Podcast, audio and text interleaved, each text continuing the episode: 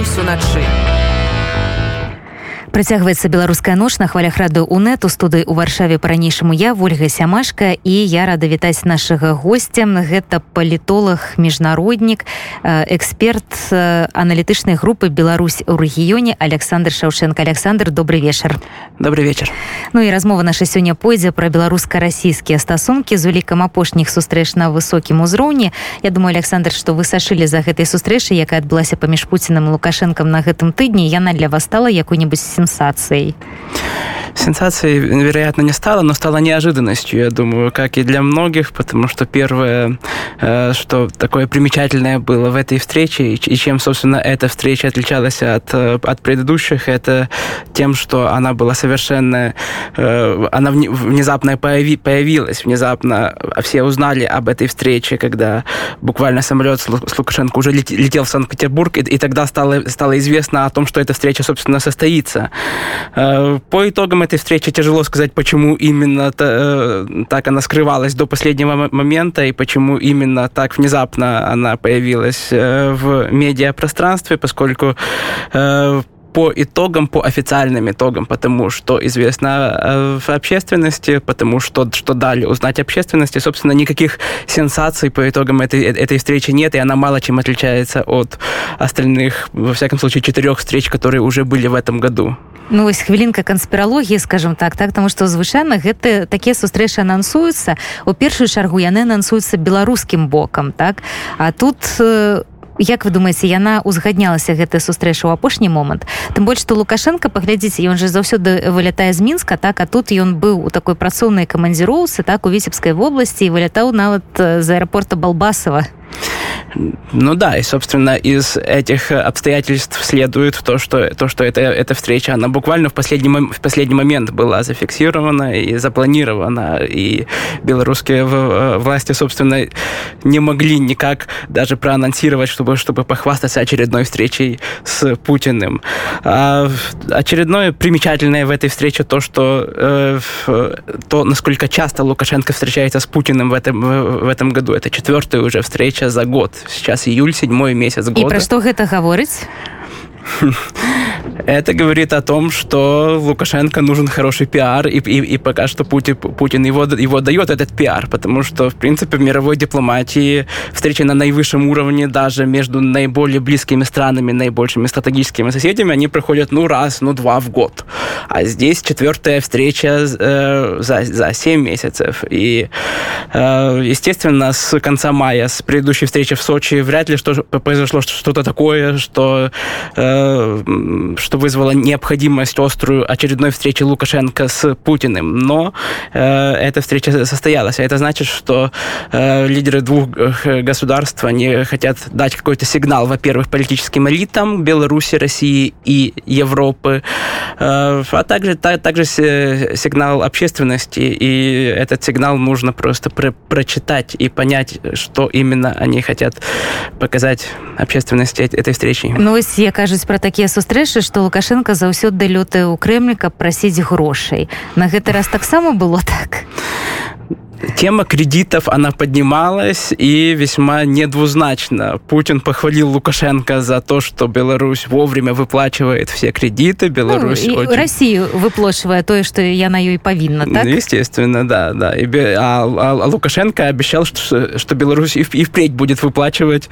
э, вовремя кредиты. Но на самом деле пока что после, э, после проведения выборов э, в, пред, в предыдущем году, после начала репрессий, э, против гражданского общества в Беларуси в прошлом году был э, дан только один кредит, э, о котором было договорено еще в э, сентябре прошлого года на миллиард, на миллиард долларов. И, собственно, в мае был, был выплачен второй транш, вторая часть этого кредита, 500 миллионов. И пока что все четыре встречи, которые прошли в этом году, они, собственно, закончились ничем в том плане, что э, день, денег не было, не было дано Беларуси. Были разговоры, но пока что, пока что до конкретики не дошло. И глядите, ось Путин тут у дачыненні да Лукашенко абраў яго любимую тактыку так адны размовы э, і ніякай канкрэтыкі няма так ну там і што тычыцца еўразійскай інтэграцыі што тычыцца і саюзнай дзяржавы то бок зараз Россия пачала гуляць на поле поле Лукашенки? Вполне возможно, потому что Лукашенко, в принципе, у него нет другого выхода, потому что эти встречи с Путиным э, это хоть какая-то легитимность Лукашенко в глазах, э, в глазах общественности и, в, и в, в, глазах, в глазах самого э, Лукашенко. Путин это единственный оплот, который обеспечивает какую-никакую, а э, легитимность э, Лукашенко. Поэтому и, естественно, экономически режим Лукашенко он абсолютно зависим от э, Российской Федерации, поэтому, собственно, сейчас, когда уже невозможно проводить ту э, политику такой лукашенковской многовекторности, я бы сказал так, которая... Геополитичные которая... качели, это у Ге... нас так Геополитичные качели, да. Но я использую, видите, украинские термины многовекторность, как у нас в свое время в период Кучмы было. В принципе, Лукашенко пытался нечто такое проводить в период с 14 по 20 20 год, когда были заигрывания с Европой, когда было э, потепление отношений с Европой, при этом одновременно, одновременно вроде бы как и развивались отношения с Россией. Сейчас таких возможностей у Лукашенко нет. Сейчас э, единственная страна и единственное, единственное направление, на которое может рассчитывать белорусский диктатор, это российское направление, и поэтому эти встречи очень важны прежде всего для Александра Лукашенко. Ну, вы глядите, як гэта збоку выглядае так э, мне падаецца что Россия на зараз так спрабуе душыць вось лукашенко у таких брацкіх абдымках так тому что э, такая падтрымка выказваецца на ўзроўні Пуціна э, ну на ўзроўні урады не шула так але вось міністэрства замежных спраў расійская лаўроў захарова так. Там просто такая рыторыка яна не просто дружалюбная у адносінах да лукашенко яна просто нейкая такая вось ужо занадта салодкая так. Вось шмат кажуць прыгожых слоў падтрымки нічога не робяць. Что гэта можа азначаць? Что у крамля змяніліся планы на лукашэнку в Беларусь в удушающих объятиях восточного брата, я бы сказал, с конца 90-х еще создания союзного государства. Но сейчас это, естественно, активизировалось. Именно потому, что у Лукашенко нет теперь другого выхода, нет поля для маневра. И поэтому действительно, да, Российская Федерация может, может так играть, скажем так, на поле Лукашенко, обещать ему поддержку, обещать ему кредиты и не идти дальше слов, потому что в любом случае что он сделает. А, а чаго яны чакаюць ад яго? А это, это уже другой вопрос, потому что в сложившейся ситуации э, Лукашенко, э, с моей точки зрения, это тот человек, который должен очистить, так сказать, поле для э, дальнейших процессов в Беларуси. Мы знаем о том, что э, были, была такая информация, что Российская Федерация хочет этого конституционного референдума в Беларуси и требует от Лукашенко этого конституционного э, референдума, к которому идут приготовления, который анонсирует, что он э, пройдет в начале 22 года, хотя я не уверен в этом. Э, Но вы яшчэ, Россия... вы яшчэ упэўнены так, что Россия не адмовілася от вось гэтага конституцыйнага да, референдума. Я об этом скажу. Э, для России сейчас на данный момент Лукашенко стал слишком токсичным политиком, политиком, который через которого невозможно проводить свою игру на поле Европы, на поле западном. Э, Лукашенко уже абсолютно не рукопожатен на территории Европейского Союза. В цивилизованном свете, скажем так. В цивилизованном да? мире, да, да э, Поэтому, поэтому вопрос будущего Лукашенко, он стоит остро, поскольку, с одной стороны, России нужно было бы заменить Лукашенко пророссийским политиком, но который вернул бы э, этой пророссийской белорусской власти легитимность в глазах всего мира. Да? С другой стороны, это нужно проделать так, чтобы, чтобы собственно, Э, Россия могла заменить Лукашенко на пророссийского, на удобного э, ей политика и на удобную, на удобную ей политическую элиту в Беларуси, не вызвав тем самым э, турбулентности в политической жизни Беларуси, которая стала бы плохим примером для, э, для русских граждан и э, в том числе, которая в, в страшном сне э, Путин видит то, как Беларусь может э, перестать быть сферой влияния России. Этого допустить Путин не может, этого, этого Путин не допустит.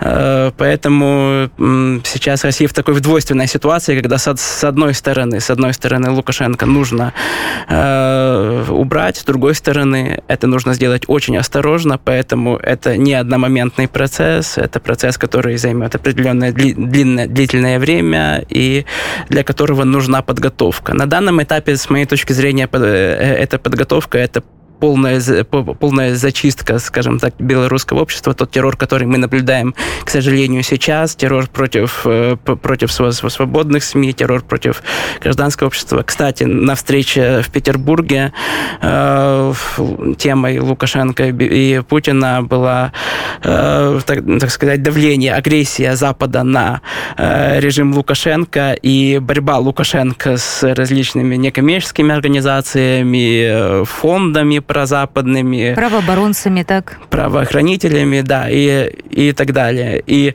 э, с этой точки зрения можно сказать, что эта встреча э, в Петербурге, она стала как бы э, легитимацией, позволением Лукашенко на активную, на продолжение или даже на усиление активной борьбы с этим гражданским белорусским обществом. И, возможно, Лукашенко на данном этапе э, руками Лукашенко будет проделана та грязная работа, та зачистка э, этого демократического поля в Беларуси, чтобы потом э, в безопасный способ заменить Лукашенко на э, пророссийского политика. И заменять яны яго збираюцца збіраюцца праз вось гэты канстытуцыйны рэферэндум і вось гэту рэформу канстытуцыйну ці які там будзе механізм Таму што не адмовіліся я так разумею яны яшчэ ад гэтай ідэі хаця яна зараз не на такой вось вастрыні як была там пару месяцаў таму Видите, я не думаю что конституционный референдум сам по себе будет инструментом замены власти на Беларуси. Скорее конституционный референдум это э, инструмент для того чтобы э, смягчить настроение чтобы показать э, белорусскому обществу, что вот за что боролись протесты, протесты этого достигли, что вот вы, э, вы хотели ограничения там, президентского срока двумя сроками, пожалуйста, у вас это есть. Вы хотели ограничения вла э, э, власти президента, пожалуйста, у вас это есть. Вы хотели там увеличения роли парламента, пожалуйста, у вас э, это есть. И чтобы на этом фоне произошла довольно мирная э, замена власти на легитимного президента пророссийского, который был бы рукопожатен на Западе. Я думаю, конституционный конституционный референдум, он должен будет сыграть такую роль в э, российских планах. Тут не хочется быть э, предсказателем, да, но мне кажется, что именно, именно так э, российские элиты видят роль конституционного референдума. И то бок прыйдзецца чакаць расійскім элітам пакуль лукашенко дасядзіць свой тэрмін сіх гэта будзе раней Я думаю, Лукашенко стал слишком токсичной фигурой, в том числе для Путина, поэтому, поэтому возможно, это будет раньше. Но, с другой стороны, если, э, если российская власть будет видеть э, в этом референдуме определенную опасность, поскольку в, в любом случае любое голосование, оно всегда создает зону политической турбулентности. Особенно в Беларуси зараз. В любой стране, да, и ну, в Беларуси, да, особенно на фоне, э, на фоне настроения состоянии белорусского общества. Поэтому э, пока такую опасность будут видеть в Кремле, э, я думаю, этот референдум можно будет э, так отсрачивать э, и на более долгий, долгий, долгий срок. А насколько долгий это будет, ну, тяжело сказать. Еще один нюанс есть, что, в принципе, тоталитарные режимы, они не очень-то умеют просчитывать настроение народа. И если бы они умели просчитывать, то, в принципе, не дошло бы до того, до, до чего дошло в августе 2020 года в Беларуси. Да.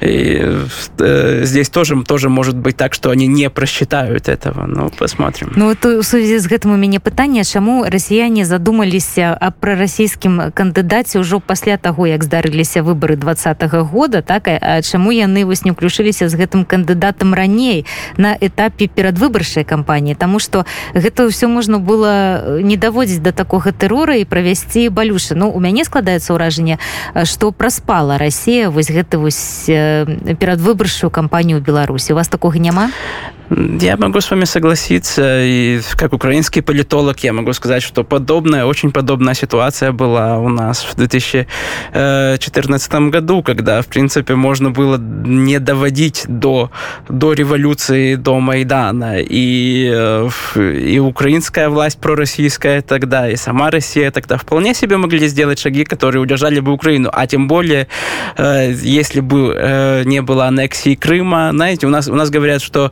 Э, Путин получил Крым, но утратил Украину. И в этом, собственно, э, вот эта недальнозоркость тоталитарного российского режима, она, она видна. И в Беларуси, да, я думаю, что как раз тоталитарный режим российский, он просто не увидел э, как, какой-либо угрозы. Да? Думали, як будзе мінулая кампанія, так яна такая, як я называю, досыць такая траваядная была, так?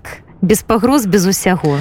Да и лукашенко в своих традициях э, арестовал всех более-менее кто был кто был конкурентом. Да выдвинула светлана тихановская. Ну и что? А в россии а в россии была ксения собчак. Ну и что? За собчак люди не пошли. А здесь внезапно оказалось что люди пошли не столько за тихановскую а сколько против против Лукашенко из-за изменения, из-за демократизацию Беларуси. Оказалось, что в Беларуси э, выросло уже совсем другое поколение, и даже третье, чем то, которое избирало Лукашенко в 1994 году. Тоталитарные режимы такого не просчитывают, и тоталитарные режимы очень часто вот именно в таком настроениях общества не ошибаются. Ну ты, не менш лукашенко падчас вось гэтай перадвыбарнай кампаніі ён зрабіў некалькі таких даволі балюшых удараў у бок Росіі так ну вось паглядзіце белгазпромбанк. Так фактычна дошка газпромбанка ён быў у беларусі разгромлены. Та гісторыя з вагнераўцамі якая адбылася. Ну я думаю что до гэтага часу гэту загадку яшчэ не разгадалі так что там было. І і лукашенко дазваляў сабе такую досыць жорст жорсткую антырасійскую рыторыку вось Россия можа гэта выбачыла я на гэтым ну я не думаю что на таком на глобальном геополитическом уровне э, есть такие критерии как обиделись там извинили и так далее. Есть интересы. Э, в тот период действительно интересом лукашенко было проведение вот э, такой политики и вашими нашими я бы так я бы так сказал. И отсюда тоже тоже была эта риторика.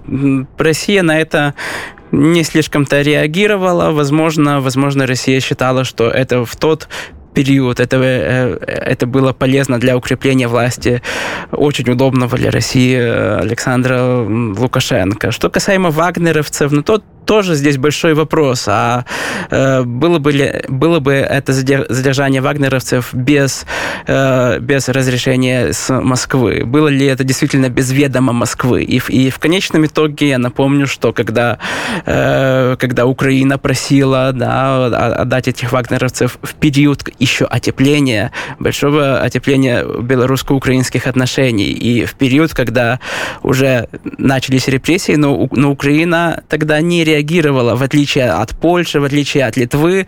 Украина так дипломатично молчала об этом, но, несмотря на это, все же вагнеровцы были отданы в Россию. Это, в принципе, тоже о чем-то говорит, да, о том говорит, что, э, что вот эта риторика Лукашенко, это была только риторика, по большому счету, и поэтому, собственно, э, если говорить о замене Лукашенко на кого-то другого э, Кремлем, ну, то это точно не будет связано с обидами за то, что Лукашенко когда-то говорил. Нет, тут, тут дело в интересах. Ну, вось, насамрэч, ці вырашаецца лёс Лукашэнкі зараз у Крамлі і наколькі гэты лёс можа стаць дамоўленасцямі паміж Пуціным і калектыўным захадам. Я так разумею, што на захадзе лічаць, што Беларусь гэта зона ўплыву рассіі. Так і Расія павінна вырашаць вось гэтыя праблемы, якія ўзніклі з кантролем Беларусі. Так ну паглядзіце, гэта сітуацыя зараз нелегальнай міграцыі перад гэтым быў ранер і не ці не стаіць перад рассіяй такое пытанне што не ставіць Еўроп перад рассіяй такое пытанне што ну чаму вы не можете разабрацца ў зоне свайго уплыву Э, во-первых, решается ли судьба Лукашенко в Кремле, я думаю, абсолютно, потому что мы здесь должны говорить не только о отношениях лично Лукашенко и лично Путина, но также и о связях спецслужб белорусских и российских, о связях силовиков, э, которые очень тесны. И если, скажем так, из России поступит команда э, совершить какой-нибудь дворцовый переворот в Беларуси, это совершится, и Лукашенко останется без поддержки собственных силовиков и спецслужб. Вы, вось тут у мяне пытанне гэта будзе военный пераварот ці номенклатурны тому что вось ну яшчэ калі вы кажаце что там есть такая сувязь паміж спецслужбами то на гэта яшчэ можна згадзіцца А вось ведаеш так э, вертыкалі номенклатуру лукашэнкаўскую я не думаю что вось з іх боку будзе нейкая такая подстава ну, опять-таки, я не хочу выступать пророком, не хочу говорить, э, э, как, как, как будет. Я не знаю, как, как будет. Я могу лишь предполагать, основываясь на тех фактах, которые есть. А они говорят о том, что связь Беларуси и России и зависимость Беларуси от России, она есть, к сожалению, на всех фронтах. И это может быть вполне использовано против Лукашенко, когда э, в Кремле решат, что нужно Лукашенко Лукашенко заменять на кого-то другого. Поэтому, поэтому да, судьба Лукашенко, она э, во многом решается в Кремле. Э, может ли такая рокировка быть результатом договоренности с Западом? Э, я думаю, не столько договоренности с Западом, сколько понимания Путиным того, что, собственно, э, Лукашенко, он мешает развитию отношений с Западом. Запад, к сожалению, как мы можем знать с опыта, очень многое прощает Российской Федерации, э, очень многое забывает Российской Федерации. Э, но то, что прощается Путину, не прощается Лукашенко. И пока Беларусь с Лукашенко стоят между Россией и э, Западом, Лукашенко, как я уже говорил, он слишком токсичен даже для России теперь. Поэтому, я думаю, это может быть не столько результат договоренности к Западам, с Западом. То есть вряд ли Путин поедет там, к Меркель или к Макрону и будет обговаривать, а не поменять ли нам Лукашенко. А скорее ради отношений собственных с Западом, ради послабления западной политики в отношении России, можно Кремль нават, может пойти на, на этот шаг. Можно нават э, дзеля паўночнага потоку. Ну, в принципе, к сожалению, пол, э, Северный поток, он и так уже решен. И тут, тут как раз, тут как раз вопрос Лукашенко, он не стал решающим, к сожалению. А вот это миграционный кризис, який зараз правакуе Лукашенко на э, европейской мяжы, это так само не связано с Россией, это инициатива режима Лукашенко? Ну, э, здесь тяжело сказать, связано ли это с Россией, была ли, была ли команда с России, э, из э, России проводить нечто такое на белорусско-литовской границе. Э, единственное, что можно сказать, что, в принципе, эта тема не новая. Еще в свое время Муаммар, Муаммар Каддафи точно так же пугал Европу, что если, э, если ваша политика мне не понравится, то, то, то миллионы ливийцев поедут к вам там, во Францию или, или в Германию. То есть, э, таким образом, Лукашенко еще больше маргинализирует себя в глазах Европы и становится еще более э, токсичным политиком для Европы и, ну, я думаю, что то, что происходит на белорусско-литовской границе в последние дни, ну, это не сулит ничего хорошего для Лукашенко. А вот за э, посадкой э, самолета «Ранейр» у Минску может быть российский след? Э, может быть, да. Э, я говорю, что э, отношения и зависимость Беларуси от России, она, не, она огромна на всех уровнях, и вполне возможно, да, что такие масштабные операции Беларусь каким-то образом согласовывает с Россией. С другой же стороны, тоже нужно понимать, что Лукашенко довольно эпатажный человек со своим способом мышления, да, и, э, в принципе, то, что произошло с Ryanair, это скорее в духе Лукашенко, чем Путина, да, при том всем, что э, что мы знаем о э, диктаторских замашках Путина, но я думаю, что есть определенные границы, да, которые даже Путин э, не, не проходит. Поэтому, поэтому тяжело сказать, было ли это согласовано как-то с Россией, да, но, э, но опять-таки это тот шаг, который пошел в минус Лукашенко как в глазах Запада, так и в глазах Путина.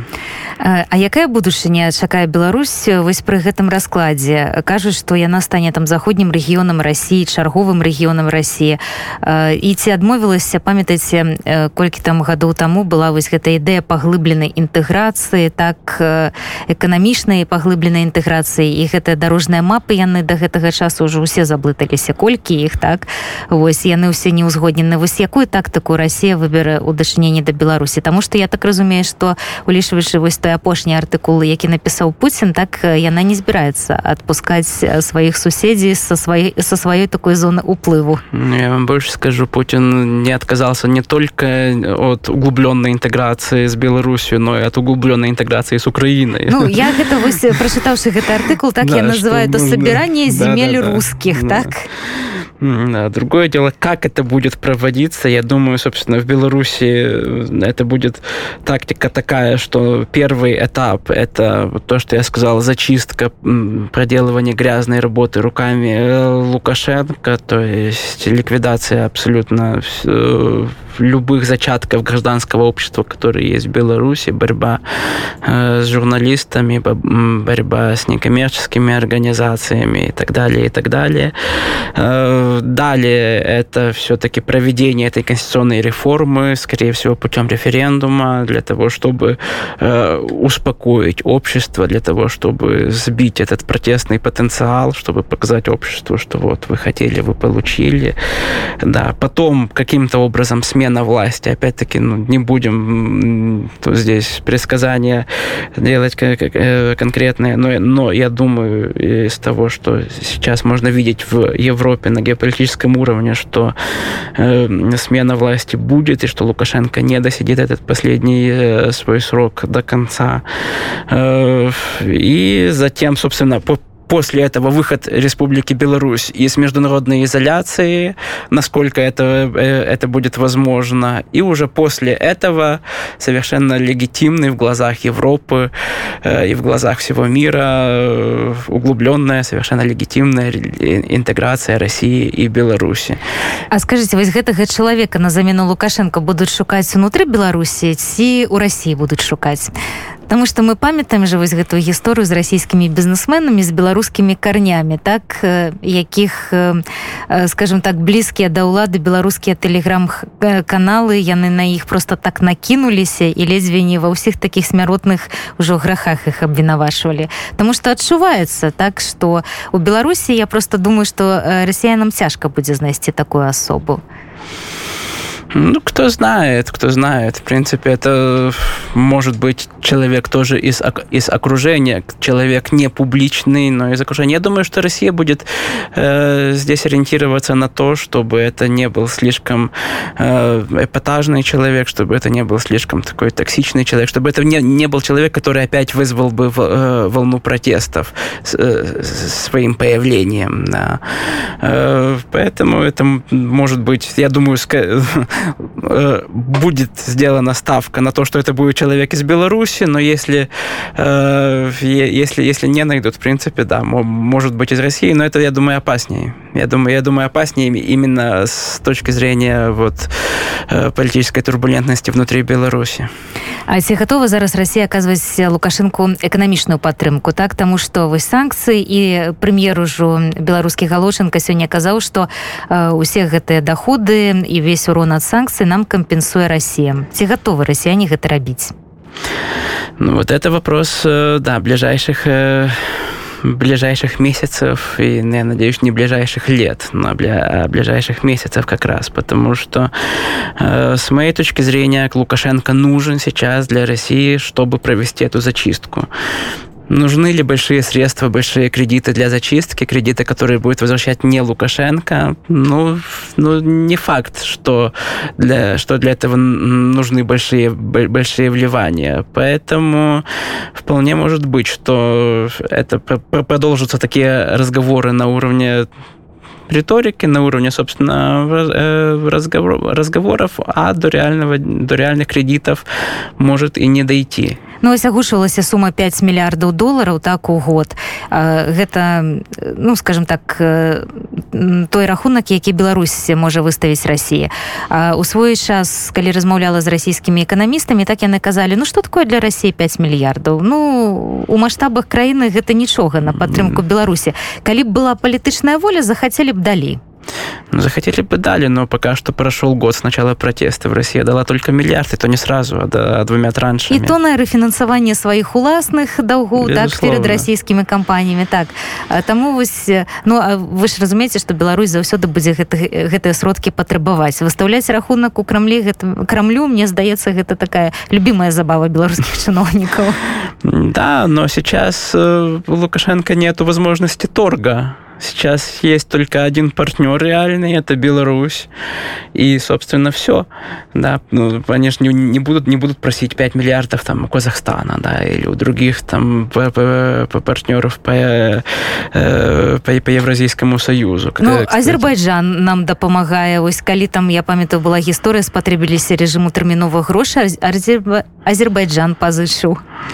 Ну, локально, тактически могут быть таки, может быть такое сотрудничество, такая помощь, но, но если говорить о, о глобальной поддержке, она сегодня может быть только, э, только от России.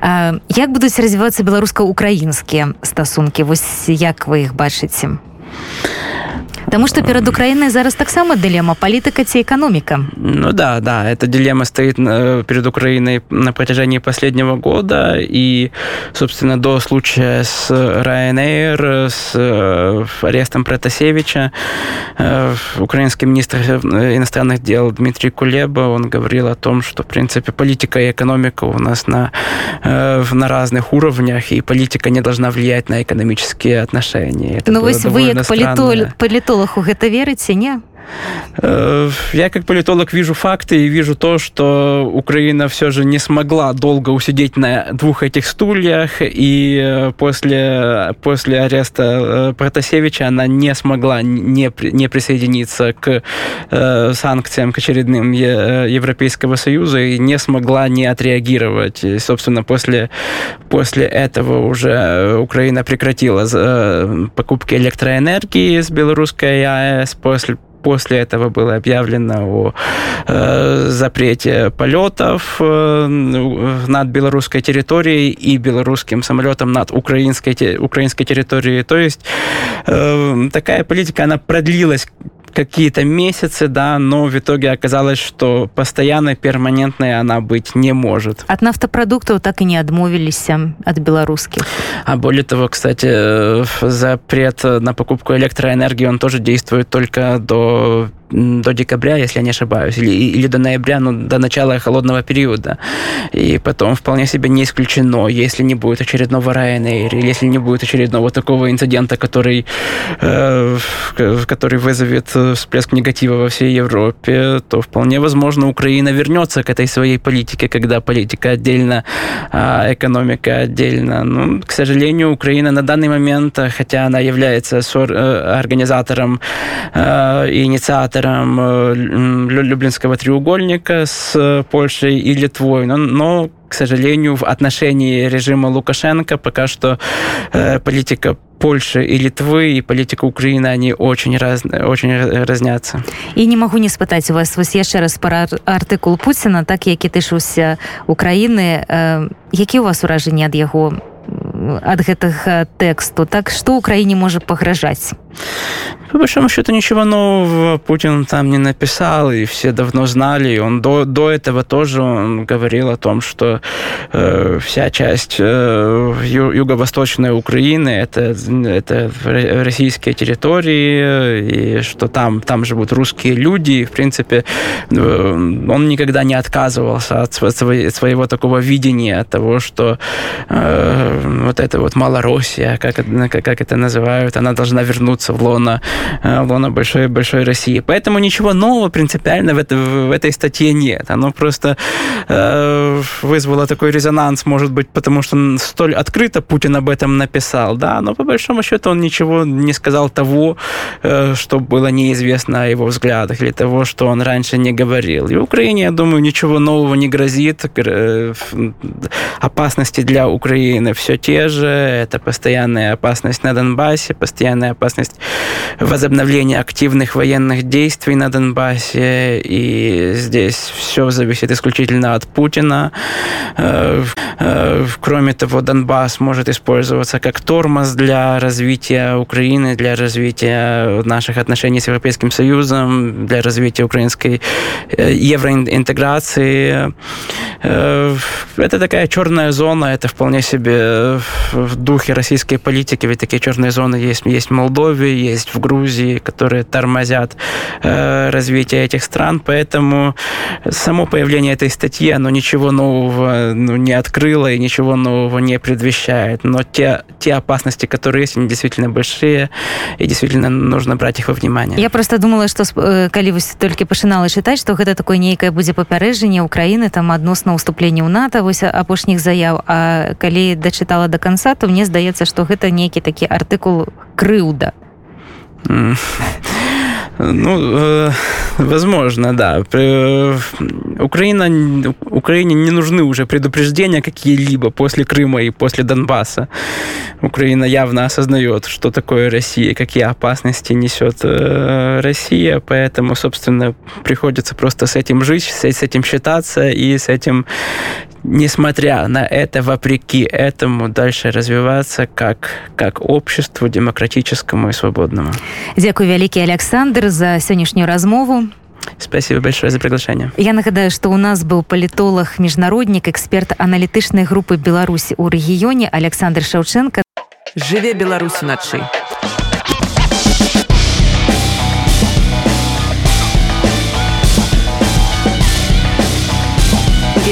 Белорусские ноцы.